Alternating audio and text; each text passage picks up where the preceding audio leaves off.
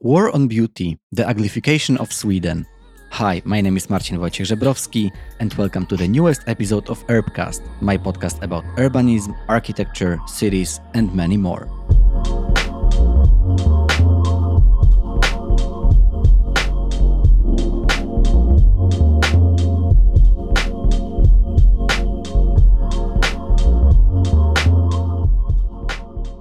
Can a country like Sweden, famous for its spatial order, face significant problems with its urban fabric? The book that we will talk about today, as well as the phrase betonoza, echoed quite a lot in Poland.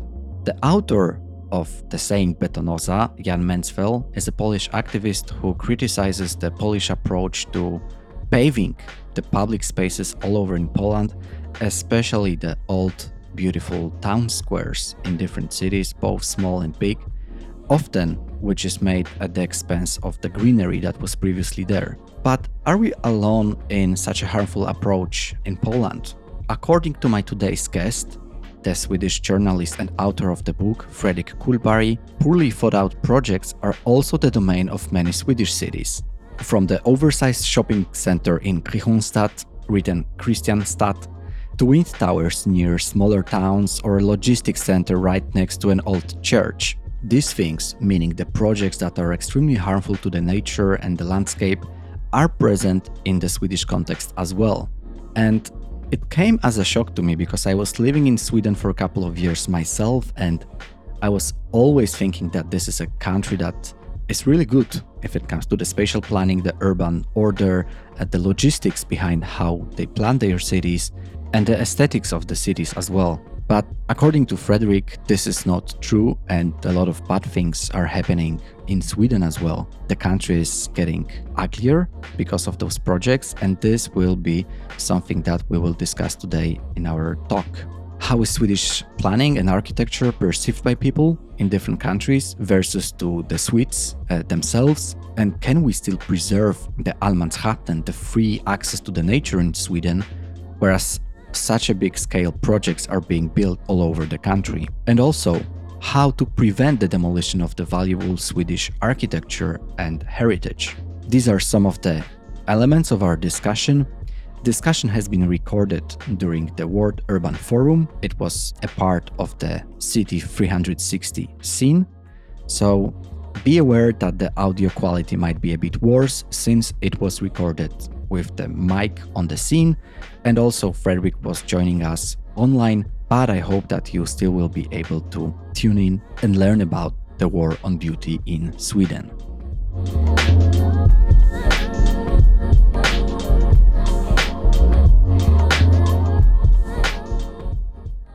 So, one more time, I just wanted to say to both of us who are gathered here in Cities 360 in uh, at and Art Roundabout here in uh, Katowice. And also you, Fredrik, welcome and thank you for, for being part of this discussion. I'm really looking forward to it.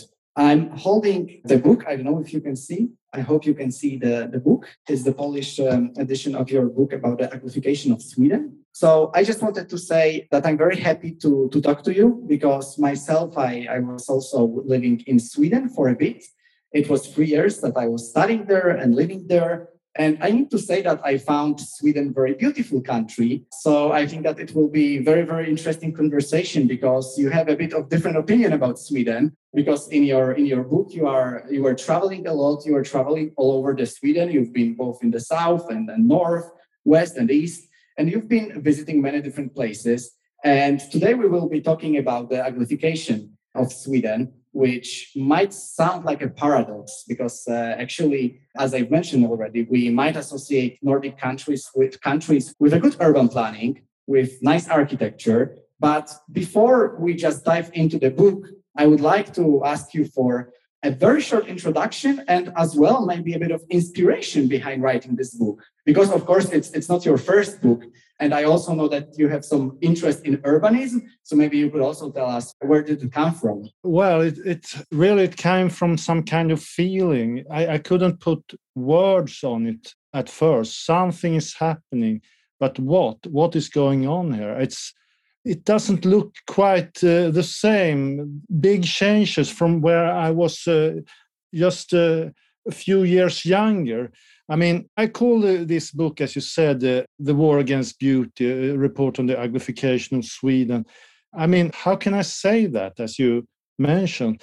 To, and talking about war in this context, when it comes to changes in cityscapes and landscapes, cultural landscapes, it can, of course, seem excessive and outright wrong especially considering what is happening in, in our immediate neighborhood in Ukraine. But the title is polemical, of course. No, no war is, is going on in Sweden. In, you cannot really say that. But at the same time, what else should you call it? When cities uh, and cultural heritage and landscapes are so under attack, as I try to describe in this book, the consequence of a, a number of changes who are on the whole very large scale and go very quickly and at the same time appears a little bit under the radar. I mean the, the swedish big cities they are really today huge construction sites.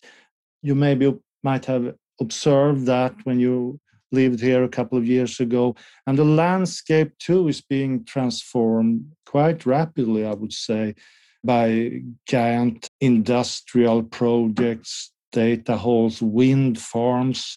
They demand very big tracts of lands, huge factories for electric car batteries in the north, and the forestry that is very, very intense in, in Sweden. That's just a few points uh, of the background here. You call the book The, War, but uh, the war on beauty, but we can't translate it into its kind of direct meaning. But you also mentioned that a thing that I really like that uh, Sweden is the country in which from the, the 50s to 70s of the last century, very voluntary, without any war or revolution, you destroyed so many centers of, of your cities. And also, if you would like to, uh, to explain to someone from Italy or Germany, France, or actually maybe also Poland, uh, whose the, the countries uh, they suffered a lot, they were damaged during the war, they wouldn't understand how could you just murder and how can you have this cultural suicide in Sweden without anyone just telling you to do so. Why do you think that something like that happened? This is a very strange thing. As you said, while the rest of Europe struggled to rebuild its bombed out uh, cities after the war, we here in Sweden started a process uh, to voluntarily dis- demolishing our cities in Sweden. And we tore them all down, our older city centers, completely voluntarily, without war or revolution. It was a fantastic cultural heritage that disappeared in this great wave of demolition. And I mean, it was not only overcrowded or poorly maintained workers' housing that were demolished, but everything from a fabulous several hundred years old uh, palaces, uh, charming garden towns, old bathing hotels, great villas. They demolished everything. And in many of the Swedish cities, at least 70% of the housing stock were demolished in this uh, process during the decades after the war. In total, over something like 100,000 apartments uh, from before 1901. In Stockholm's inner city alone, more than 700 old buildings disappeared, many of them in very good condition. And they were replaced with these uh, centrally located department stores and parking garages and offices that were built of concrete elements and often uh, according to the same drawings because these stores and uh, office uh, they had their own architectural bureaus and this is something we live in today. All the swedish cities looks they look almost the same. They often are some kind of i mean sterile and quite boring. And as you said how was this possible? It was some kind of cultural suicide. Uh, i would say that it was because everything should and would be so good. It was because Sweden was industrialized rather late in the game. And well into modern times, we had uh, uh, quite poor or very poor housing conditions here with outdoor toilets and rats and 13 people in one room and so on. And the emerging social democracy, the big party here uh, before and after the wars, uh, war and the decades afterward, that uh, big state uh, bearing party, so to say. They wanted to do away with all the old and the bad and the darkness and the dirt and the overcrowding. Uh, that should and would go away. And an important part of all this uh, was to create lots of practical, bright, and hygienic new homes that even a working class uh, family could afford. So these demolitions were then uh, partly ideological conditions. Ordinary people would get it better. And it was also ideological in that way that they wanted to obliterate the old symbols of the old class society, even if that motive was less pronounced. So the destruction of all these old palaces and spa hotels and villas and so on was in line with the transfer of the economic power from the old elite. So the view was in some way that because the old class society was bad, these old houses where the elite lived must somehow also be bad, no matter how beautiful and cozy and well built they were. And this is something I still notice today. One of Sweden's most famous architects who uh, has received a, quite a lot of criticism for a bunker like uh, art gallery in the park area in Stockholm. He said not long ago that uh, those who complain about this type of buildings are people who think that life was fantastic in the 19th century when one had an extremely unequal society and some people therefore uh, could afford to build extremely uh, luxurious lavishly.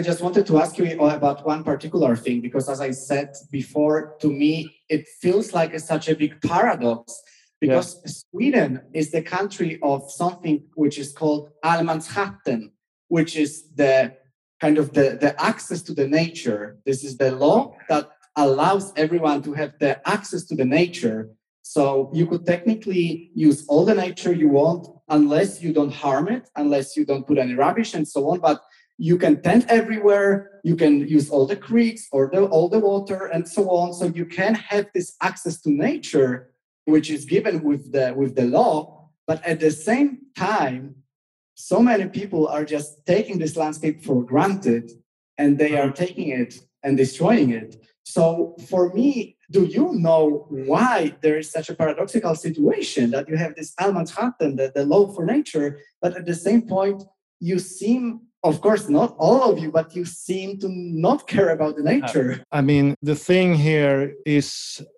one big thing is the forest industry, forestry. That's that's a very very important part of the Swedish economy. So I mean, you have these rights you you mentioned. You can walk and uh, camp outside. That's uh, an old uh, tradition not mentioned in law but you can do that. But at the same time you said that we have some special relation with nature. I don't know really. Abroad and also among the swedes themselves there is some kind of idealized image that we who live here are particularly great nature lovers but mm. i would like to put a little question mark on that mm. i mean 88% of all swedes they live in cities and towns that's a very high figure internationally and i think that swedes in general are probably at least as big uh, biological illiterates as many others and when, when it comes to forests, then uh, there is a great deal of ignorance about them, very, much so. I mean, tourist organizations and others, they call the Swedish forest for wilderness, but in reality, the Swedish forest is absolutely no wilderness, I would say. it's, For the most part, it is planted and, and driven very hard and crossed by some uh, cobweb like networks of roads to get access to all the timber and so on. And there also some kind of colonial attitude here uh, for the northern uh, three uh, fourths, 75% of Sweden. That has been in that way for a very, very long time. That uh, that was uh, like that in the in the 16th century, the 17th century. They, this is our India, they they said the, the ruling elite. This is our colony, the northern counties, so to say. That, and you can see that again now. We have this uh, green transformation. You, it's there we build all these wind farms and uh, uh, huge factories for battery, etc because you have access there to power, water power uh, from the big uh, uh, rivers.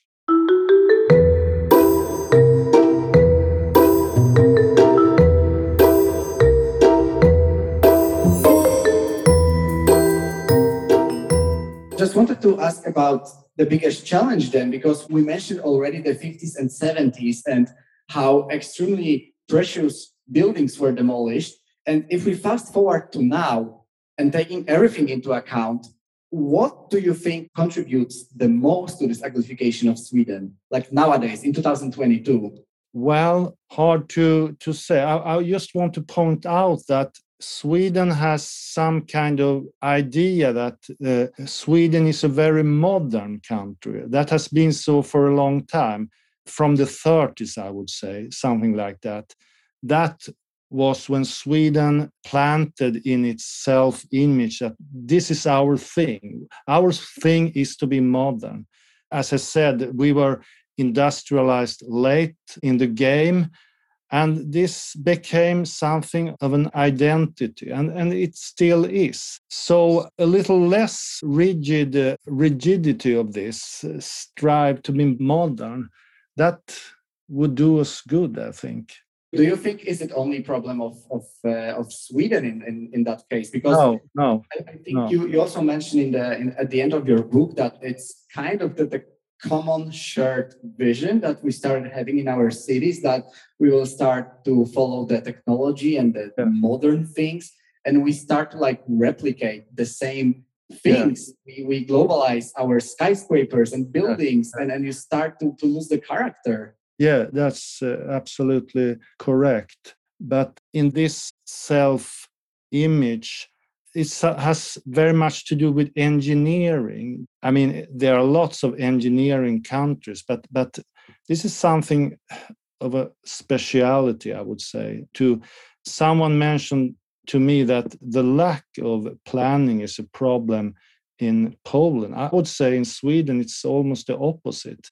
Mm-hmm. Of course, planning is can be very very good but but when it that's the the main thing. You you tend to forget other aspects of life almost. It's uh, it has no value in some ways uh, when you cannot uh, put uh, put it into an excel chart mm. or something. That's uh, that's some i would say problem about this mentality. I'm exaggerating of course. This is a stereotype, but but uh, I think that there's a grain uh, of truth in every stereotype, and this is uh, this is uh, something that many people point out. This mentality. I think that there is one more stereotype that I would love to discuss because I heard about it before coming to Sweden, but also while living there, I think it was true to some extent that Swedish people tend to be quite introvert and quite indoors. So you, you enjoy living indoors, maybe more than living outdoors. And that's why I also felt sometimes that streets are quite empty. And I was wondering if that observation is true. Do you think that it is also the truth that some people in Sweden they, they prefer this indoor life and they just they care most about the, their kind of you know the indoor environment and that's why also you like to have a very nice design because you just want to stay home. Yeah, I mean, uh, you got the climate, you got uh, the darkness. It's uh, quite a northern country with snow uh, and darkness uh, several months of the year. So you are probably in the path of something there, and, and it's and it's quite uh, not so densely populated. So you maybe don't see so much people outside, even if the great cities are some million people living there. But uh, but then again, mentality, that's something difficult to pinpoint, I would say. Uh, maybe the climate and the darkness, darkness that contribute to what you call the, an introvert uh, personality type. And, and uh, the sparseness also, people, historical. We may might don't have this urban uh, culture in the same way that uh, in, for mm. instance, France and, and all, the, all other big European countries. So it is partly about the mentality, and there is interesting thing that you actually start your book with, or this is one of the first things you are writing about, because you are writing about an interesting situation that might be familiar to people in Poland, which is that in the city of Kristianstad in Skåne, in southern Sweden, there was a huge shopping mall being built. And the idea behind it was, of course, to put some life in the city center by tearing down a couple of blocks in the city center.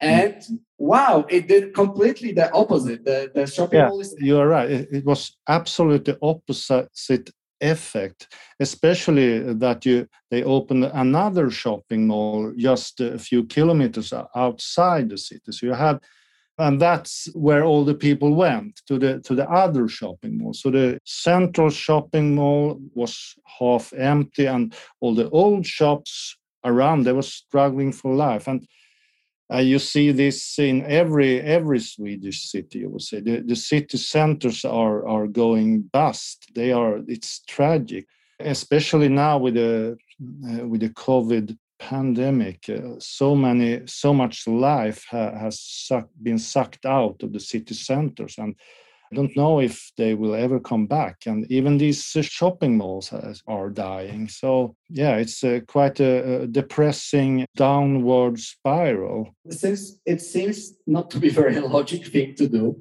just no. to be such a huge shopping mall, which is just overscaled, is too big, and seems to be like a thinking from maybe 90s I was wondering if if you know if you found any information about if there was any opposition by the citizens to this crazy idea.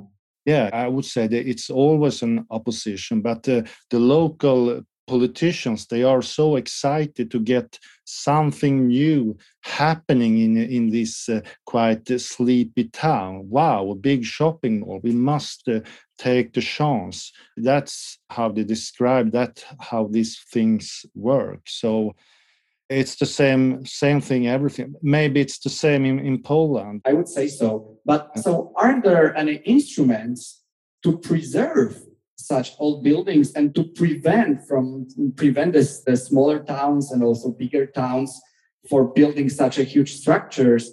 If it is a shopping mall or it can be a kind of a logistical center a bit further from the city center these are huge huge blocks. They are like big boxes that are just being built in the cities. Are there any instruments to, to prevent that? Sure there there are but but you can always uh, i mean very important things you can it seems like you can stretch these things what is culturally interesting and what is not that that is not an exact uh, science. You can you can stretch that things and uh, i can see also that uh, you have some uh, you know you can mark out interesting buildings to be spared for the future but uh, as I write, that is less and less you, you do that uh, for some reason. And, and uh, even if they are, you can, it's not uh, cut in stone, so to say. They can be demolished in certain circumstances. So, sure, there are, there are things to protect buildings, but uh, very, very many uh, interesting buildings are demolished in Sweden uh, right now. It's another wave, I would say, of this. And I'm wondering also if people are aware of what's happening because, for example, for me personally, but also for, for people I hope who are watching us who have some architectural or urbanist background, we rather know what, what's what's good, what's bad. We, we might assume that building a huge shopping mall in the middle of the city center is not the best idea. But if it comes to the people who are not uh, trained architects or urbanists and so on, are they aware that those uh, projects harm the cities? I mean, in, not not uh, like in the 60s and 70s, because then in Sweden they demolished the city centers. It was very you could see that it was uh, uh, where you lived and where you moved. Nowadays, it's more scattered. For instance, as I described here, in 20 years or something, the, the state uh, transport authority has demolished, uh, I think, 2,000 or something like that, the old railway buildings, and they are scattered all around the countries. And they are very, in many cases, interesting buildings, almost like cathedrals, some of them, but, but people cannot see them really because they are so scattered. And that's also the case with the old industrial heritage here. It's uh, I mean, uh, very well built uh, mansions and old houses in like backwaters where the industry were situated. And you don't see the decay and you don't see the demolitions that are following the decay that, that are necessary because people don't uh, entertain or, or, or take care of these buildings. So to answer your question no people doesn't really know what is going on in a big way no. So what were the voices after you published your book in sweden have you heard some people agreeing with you or suddenly opening their, their eyes widely and thanking yeah. or, or writing about yeah. it or or they were in, in, a denial well i would say that the debate about these things are uh, quite polarized i would say you have these group that are centered uh, very much on Facebook, who, who, are this group are, are trying to build maybe more classical ways and to save old buildings and so on. They took my book to their heart. I'm not a spokesman for, for them, but they embraced the book. But uh, this group I'm talking about is somehow I don't know really why, because they it involves all kind of people, I would say, but it's somehow labeled as reactionary or or backwards or something like that from the more progressive side, so to say. So I'm not a politician. I'm not uh, political, I would say, in any way. So, but but my book was, uh, I wouldn't say kidnapped, but it was. They took it to their heart. The one side while the other was more skeptical. All right. So how what do you think like how many books do you need to write about uglification of Sweden to shift the public debate towards you know people being more concerned about the about how the things are in in Sweden if it comes to to urban planning. I think uh, it will be needed quite many books but uh, because as I said to be a Swede I don't really know what it is to be a Swede anymore because there are so many different uh, it has changed here you know it's uh, the population growth is about 2 million in just uh, 10 years or something and people come from all over the world. But the mentality is still you got to be modern and to preserve and to stop what so many people see as progress that is really hard to do. I would say that's certainly the, the same in large parts of the world but yeah it's hard to reach out to change that because if you talk about these things you are backwards and boring and uh, uh, yeah that's uh, that's sad really. Are there any organizations uh, you know like groups of activists who try to change the situation, or is it people just writing about it like you? Well, the, the activist side, that uh, of course there are some real organizations, and even even in in the state, you have a department who are doing these things that are uh, working to preserve the heritage. But you don't hear much from them in the debate, I would say. What I would like is that the department, the state authorities would take a, a much, much uh, bigger stand in these issues. I know this is the case in Norway, for instance, but here you don't hear so much from them. And that's a pity. Yes, it is a pity indeed. And there are many buildings that are being demolished. Also, I guess it is a, a bit of a problem in Poland as well. You have beautiful buildings that, because of the lack of, of care, they are being demolished and replaced by by other uh, things, by the new things, by the the fancy technology, as you've mentioned as well. So while you've been traveling around Sweden gathering material for your book, was there any particular building that was demolished or was about to be demolished that really, really make you sad? I could mention that uh, in the central Swedish city of Sundsvall, along the coast, the Baltic Sea, there was uh, until recently fantastic uh, huge areas of old villas built during uh, the 19th and 20th uh, century by the new rich timber merchants. And these were fantastic summer villas that you couldn't find really something like that in much of Sweden. But the area, the region there was were determined to build a logistic park uh, right there and, and expand the harbor area. And, and that was something that uh, really hurt when I was writing the, this book. I, I was there, I saw the decay and the demolition of these villas and it's they saved a, a, couple of them. They took one of them away to another part of sweden but most of this just uh, disappeared and it's uh, that's really really sad i would say. It is really sad especially that uh, as you mentioned you build a lot of these logistic parks or mm. like logistic centers. So it basically like huge warehouses that you ship the goods and you just rearrange them and just ship it somewhere else. Why is it so popular to build them in, in Sweden? I think it's popular everywhere. I mean, there is a big change to to e-commerce. You know, you you you don't go to the shops. You the idea is to sit at home uh, like a prison and prison cell and order everything to your cell. No, I'm joking, but but that's that's the idea almost.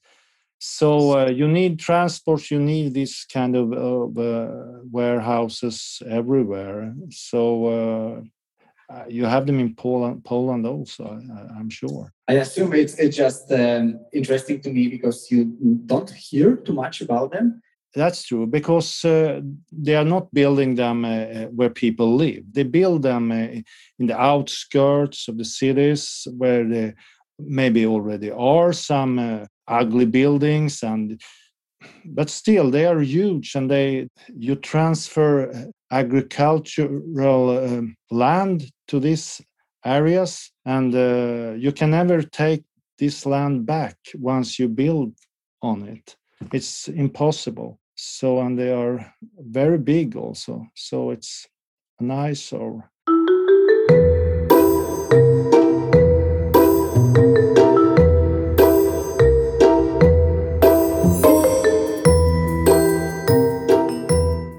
the couple of last minutes of our conversation, I would like to ask you for some solutions. And I'm pretty aware because you write in the book at the end that your intention was not to find many different solutions. Your main task for the book was to gather as much material possible and just to report the situation in Sweden if it comes to the uglification. However, you mentioned a couple of the solutions. And of course, I can just uh, read them out loud in a second, but maybe there is a, a step one that you would like to start with. Well, we have to change our state of mind in these questions, I think. You cannot go on to, I mean, right now they are demolishing uh, buildings built in the 1990s here in Stockholm, and they are planning they are to build new office buildings. You can't you cannot really go on to do that anymore because it consumes so much material to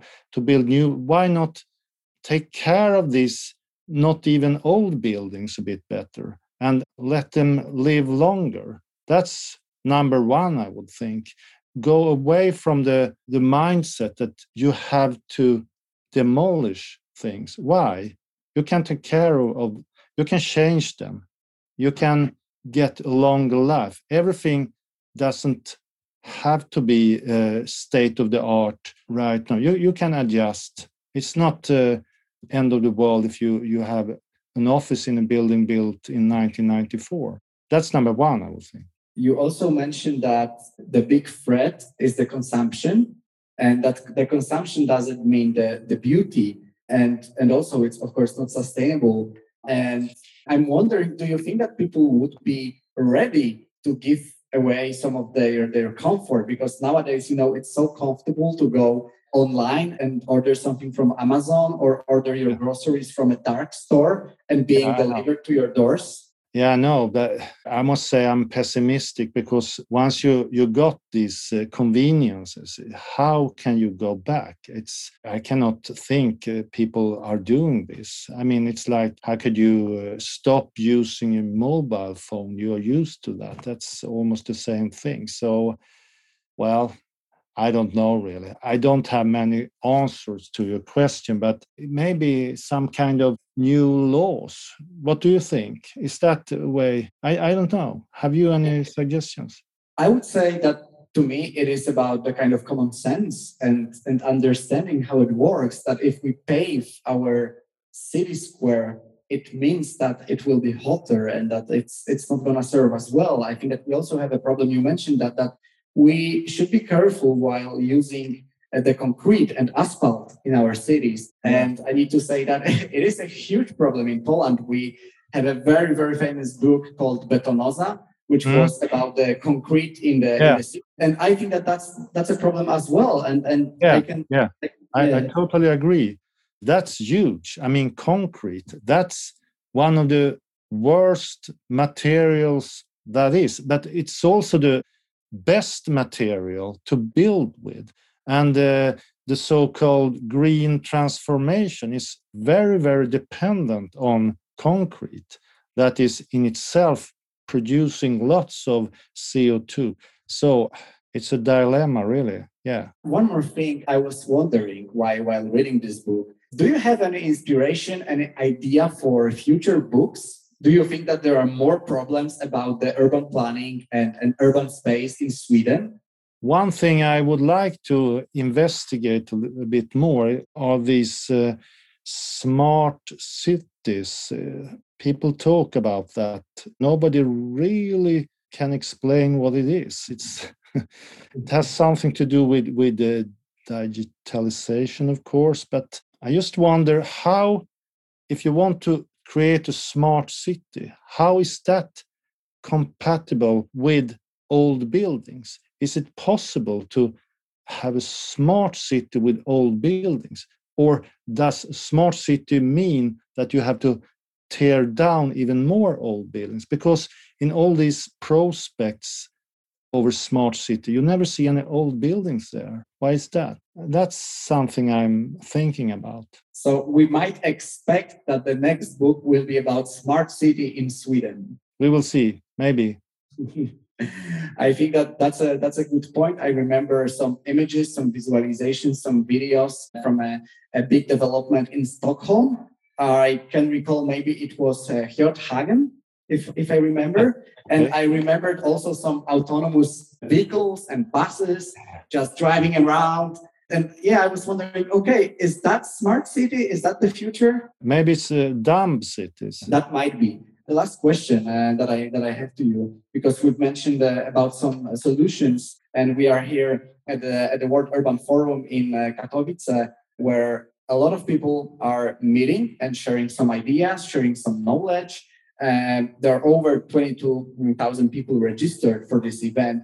You uh, unfortunately are not with us here physically in Katowice, but you you joined us online, and, and we are very very glad and happy for that.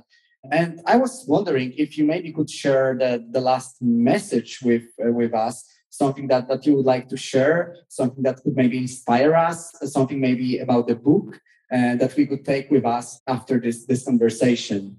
Yeah, then I would say that to take care of, of what we have and uh, value the buildings and the heritage, and also maybe what you even could call the souls of the cities. That is, I would say, really important to get to feel what is at stake. That is as important as uh, the amount of concrete that you need to build something new take this into consideration, please. Thank you very much, Fredrik. I think it, it is a, very good point just to end our discussion. And I wanted to just thank you for gathering all this material and, and also publishing this book. It is uh, published in a very, very beautiful way here in the in the Polish edition. And I would like to end with a quote because here in Poland we have a famous person who is also doing a lot of uh, these types of reportage books, and he's called uh, Filip Springer. I guess you it, he might be familiar with you maybe while publishing the book.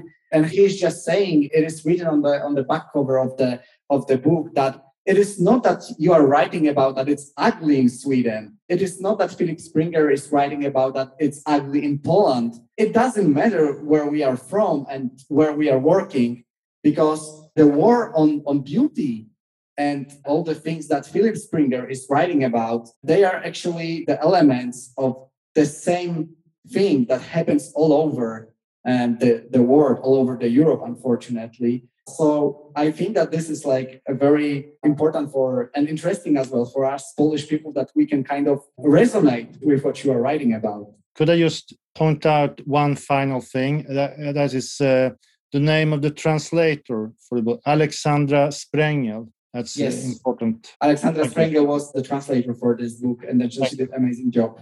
Fredrik, I wanted to thank you very much for being here with us and for sharing the thoughts uh, behind the book.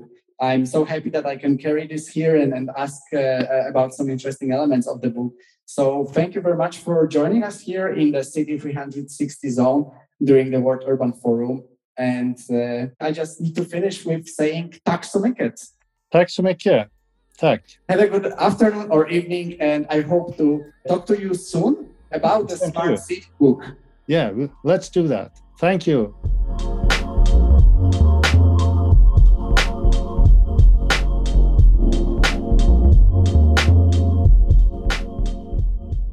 Thank you for listening to the newest episode of Urbcast, and I hope that you like this episode and maybe that it also came as a shock to you that actually Sweden has problem with its spatial order and urban planning and architecture as well as other countries.